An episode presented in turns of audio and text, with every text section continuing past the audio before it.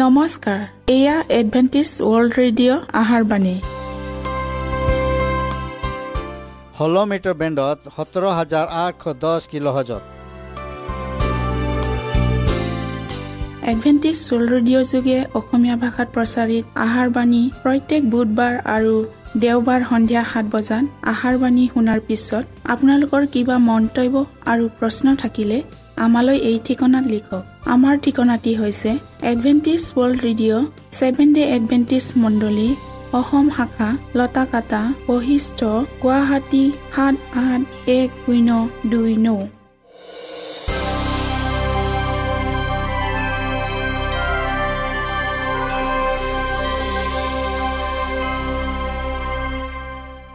প্ৰিয় শ্ৰোতা বন্ধুসকল এতিয়া শুনো আহক এটি খ্ৰীষ্টীয় ধৰ্মীয় গীত।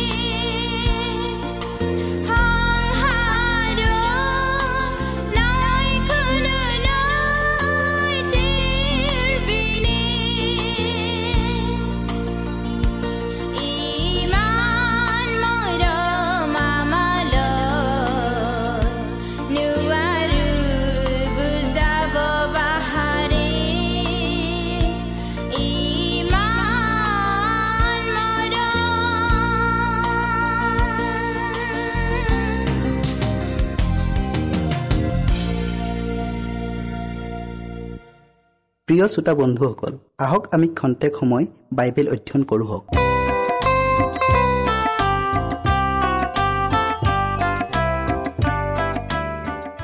আজি আমি প্ৰকাশিত বাক্যৰ দ্বিতীয় খণ্ড অধ্যয়ন কৰোঁ প্ৰথম শতিকাৰ এই সাতোটা মণ্ডলীয়ে বৰ্তমান বিশ্বব্যাপী থকা খ্ৰীষ্টীয় মণ্ডলীৰ আত্মিক অৱস্থাক বুজায়।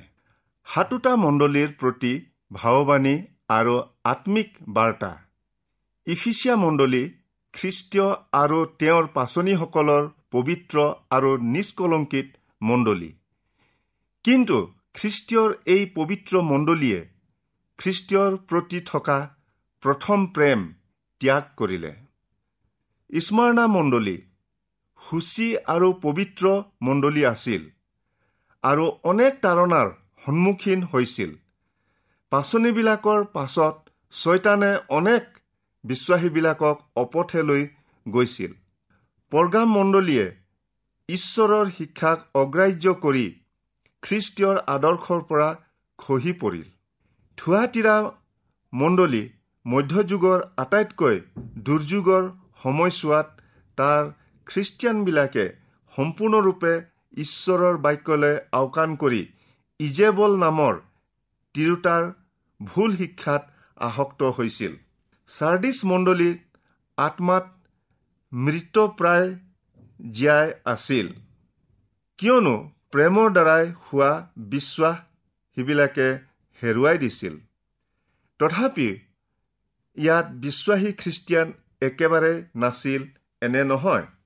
তেতিয়াও কিছুমান খ্ৰীষ্টিয়ান খ্ৰীষ্টীয়ৰ অনুগত্য হৈ আছিল। ফিলাডেলফিয়া মণ্ডলীয়ে কিন্তু কোনো তিৰস্কাৰ পোৱা কৰ্ম কৰা নাছিল। কিন্তু ইয়াত ধৰ্মজাগৰণ হৈছিল। সেইবিলাকে খ্ৰীষ্টীয়ৰ পৌৰোহিত্য আৰু ন্যায় বিচাৰ এইবোৰত বিশ্বাস কৰিছিল। লাইদকীয়া মণ্ডলীত বিশ্বাসত চেঁচা হৈ যোৱা অনেক খ্ৰীষ্টিয়ান আছিল।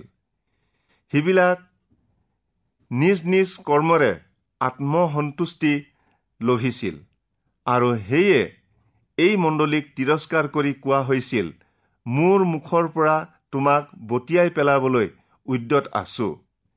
ইফিচিয়া মণ্ডলী অৰ্থাৎ আনন্দজনক পাচনিবিলাকৰ সময়ৰ অৰ্থাৎ একত্ৰিছ খ্ৰীষ্টাব্দৰ পৰা এশ খ্ৰীষ্টাব্দলৈ এই মণ্ডলী পবিত্ৰ হৈ আছিল।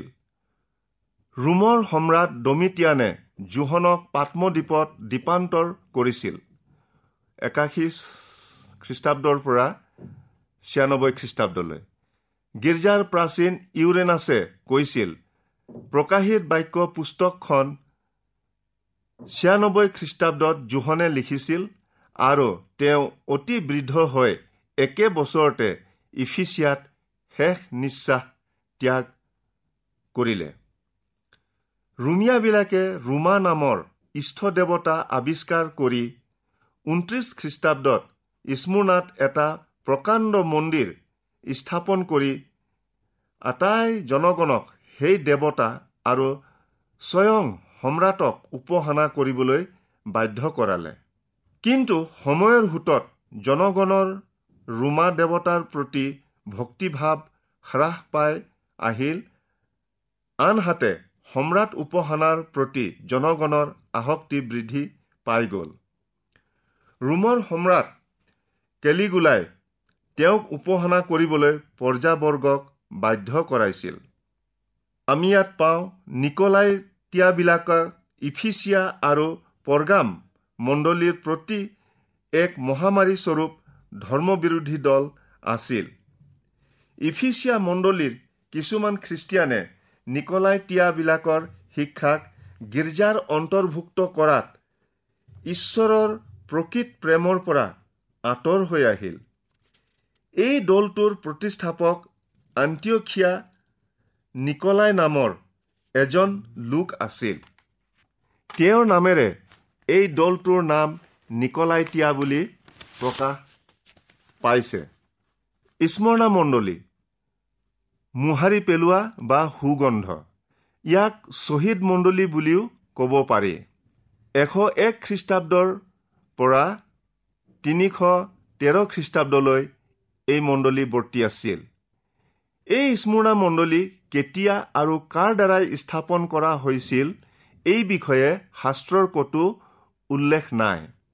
আৰম্ভণিতেই মনত ৰখা উচিত হ'ব যে সাতোটা মণ্ডলীৰ ভিতৰত ইফিচিয়া স্মুৰ্ণা আৰু পৰগাম অতি জনপ্ৰিয় স্থান আছিল।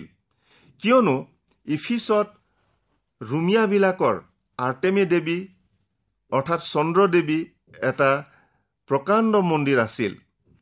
পুৰণি জগতৰ সাতোটা আশ্চৰ্য বস্তুৰ ভিতৰত এই আৰ্টমী দেৱীৰ মন্দিৰো এটা আশ্চৰ্য মন্দিৰ আছিল। মন্দিৰৰ দীঘ চাৰিশ পঁচিছ ফুট বহল দুশ বিছ ফুট আৰু উচ্চতা পঁয়ষষ্ঠি ফুট আছিল। মন্দিৰৰ এশ সাতাইছটা প্ৰকাণ্ড প্ৰকাণ্ড স্তম্ভৰ ছয়ত্ৰিছটা স্তম্ভ শুদ্ধ সোণৰ আছিল। দুইশ বাষষ্ঠি খ্ৰীষ্টাব্দত জুইৰে এই মন্দিৰ ধ্বংস হয়। ইয়াৰ ছয়ত্ৰিছটা সোণৰ স্তম্ভৰ ভিতৰত বাৰটা স্তম্ভ ইস্তানবুল চহৰত ছেইণ্ট ছফিয়া গীৰ্জাঘৰৰ খুটাৰ বাবে লৈ যোৱা হৈছিল। এইখন নগৰতেই পৌলে আকিল্লা আৰু প্ৰিস্কিল্লাৰ সৈতে ওঠৰ মাহ কাল থাকি প্ৰভুৰ বাক্য প্ৰচাৰ কৰিছিল। এই মণ্ডলীত পলিকাৰ্প নামৰ এজন অতি ধাৰ্মিক বিচপ আছিল। কিন্তু যিহুদীবিলাকে ৰোমানবিলাকৰ সৈতে গোপন ষড়যন্ত্ৰ কৰি বিশ্ৰামবাৰৰ দিনা দিন দুপৰতে তেওঁক জুইত পুৰি মাৰিলে। সেয়ে শাস্ত্ৰত কৈছে যিবিলাকে নিজকে যিহুদী বুলিলেও যিহুদী নহয় ছয়তানৰ সমাজ হয়। আৰু কৈছে তাতে দহ দিনলৈকে তোমালোকৰ ক্লেশ হ'ব। আমি আগতেই দানিয়েল সাত অধ্যায় পঁচিছ পদত পাই অহাৰ দৰে এই দহ দিনেই দহ বছৰক বুজায়। অৰ্থাৎ ৰোমৰ সম্ৰাট ডায়ক্লিটিয়ানে খ্ৰীষ্টিয়ানবিলাকক তিনিশ তিনি খ্ৰীষ্টাব্দৰ পৰা তিনিশ তেৰ খ্ৰীষ্টাব্দলৈ দুৰ্ঘোৰ তাৰণা কৰিছিল।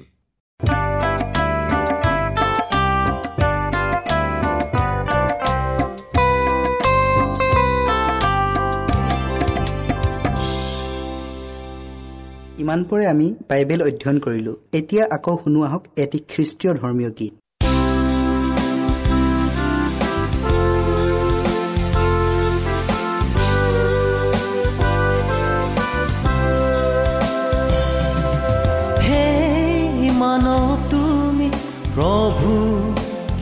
কিয় সন্দেহ কৰা। হে মানৱ তুমি প্ৰভু কিয় সন্দেহ কৰা? সময় নাই আৰু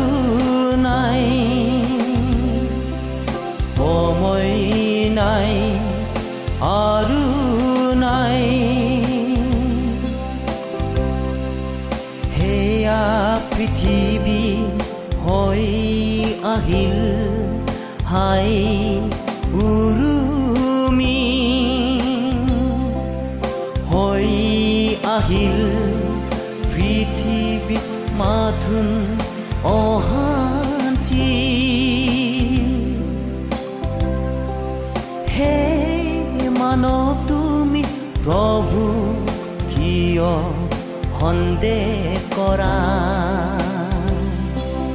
হে মানৱ তুমি প্ৰভু কিয়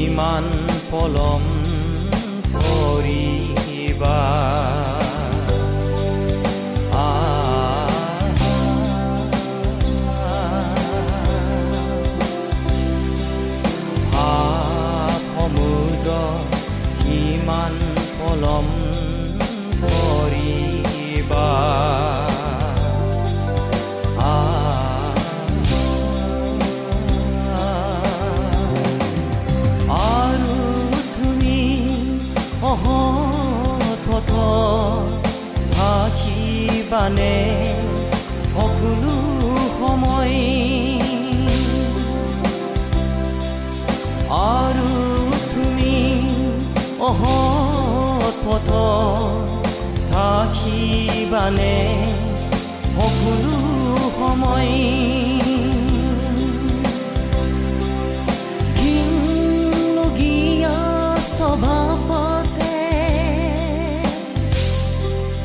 けりたきばね。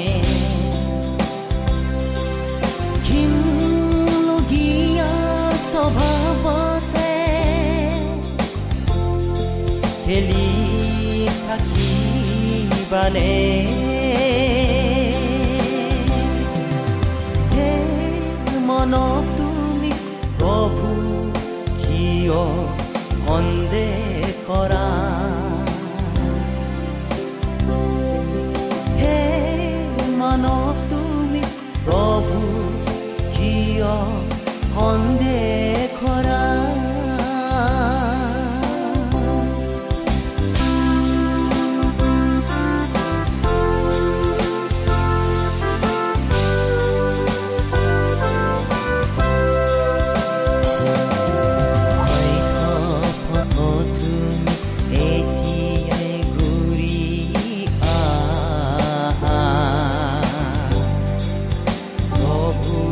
তুমি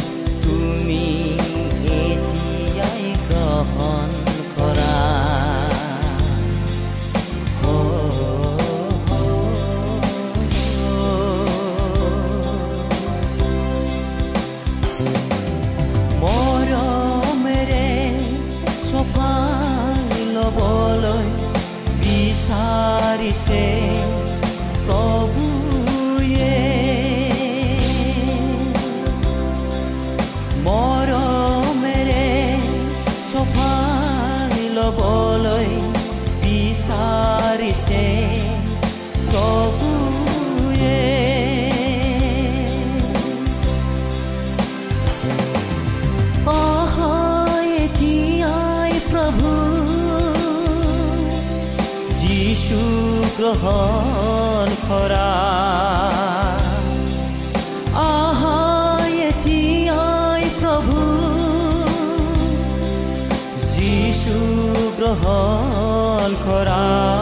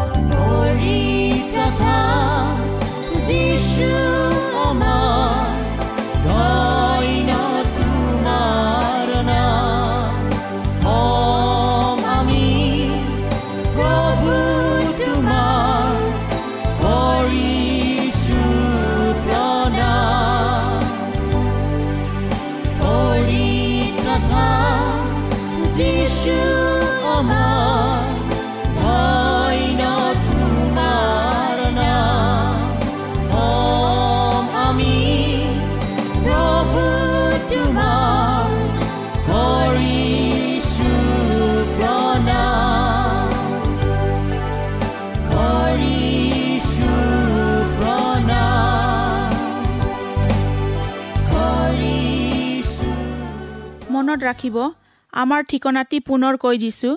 Adventist world radio' Assam region of seven day Adventist voice of hope Latakata Basistha Guwahati seven eight one zero' two nine প্ৰিয় শ্ৰোতা বন্ধুসকল এডভেণ্টিজ ৱৰ্ল্ড ৰেডিঅ' যোগে আহাৰবাণী প্ৰচাৰত আপোনালোকক পুনৰ লগ পোৱাৰ আহাৰে আজিলৈ সামৰিলোঁ। ধন্যবাদ।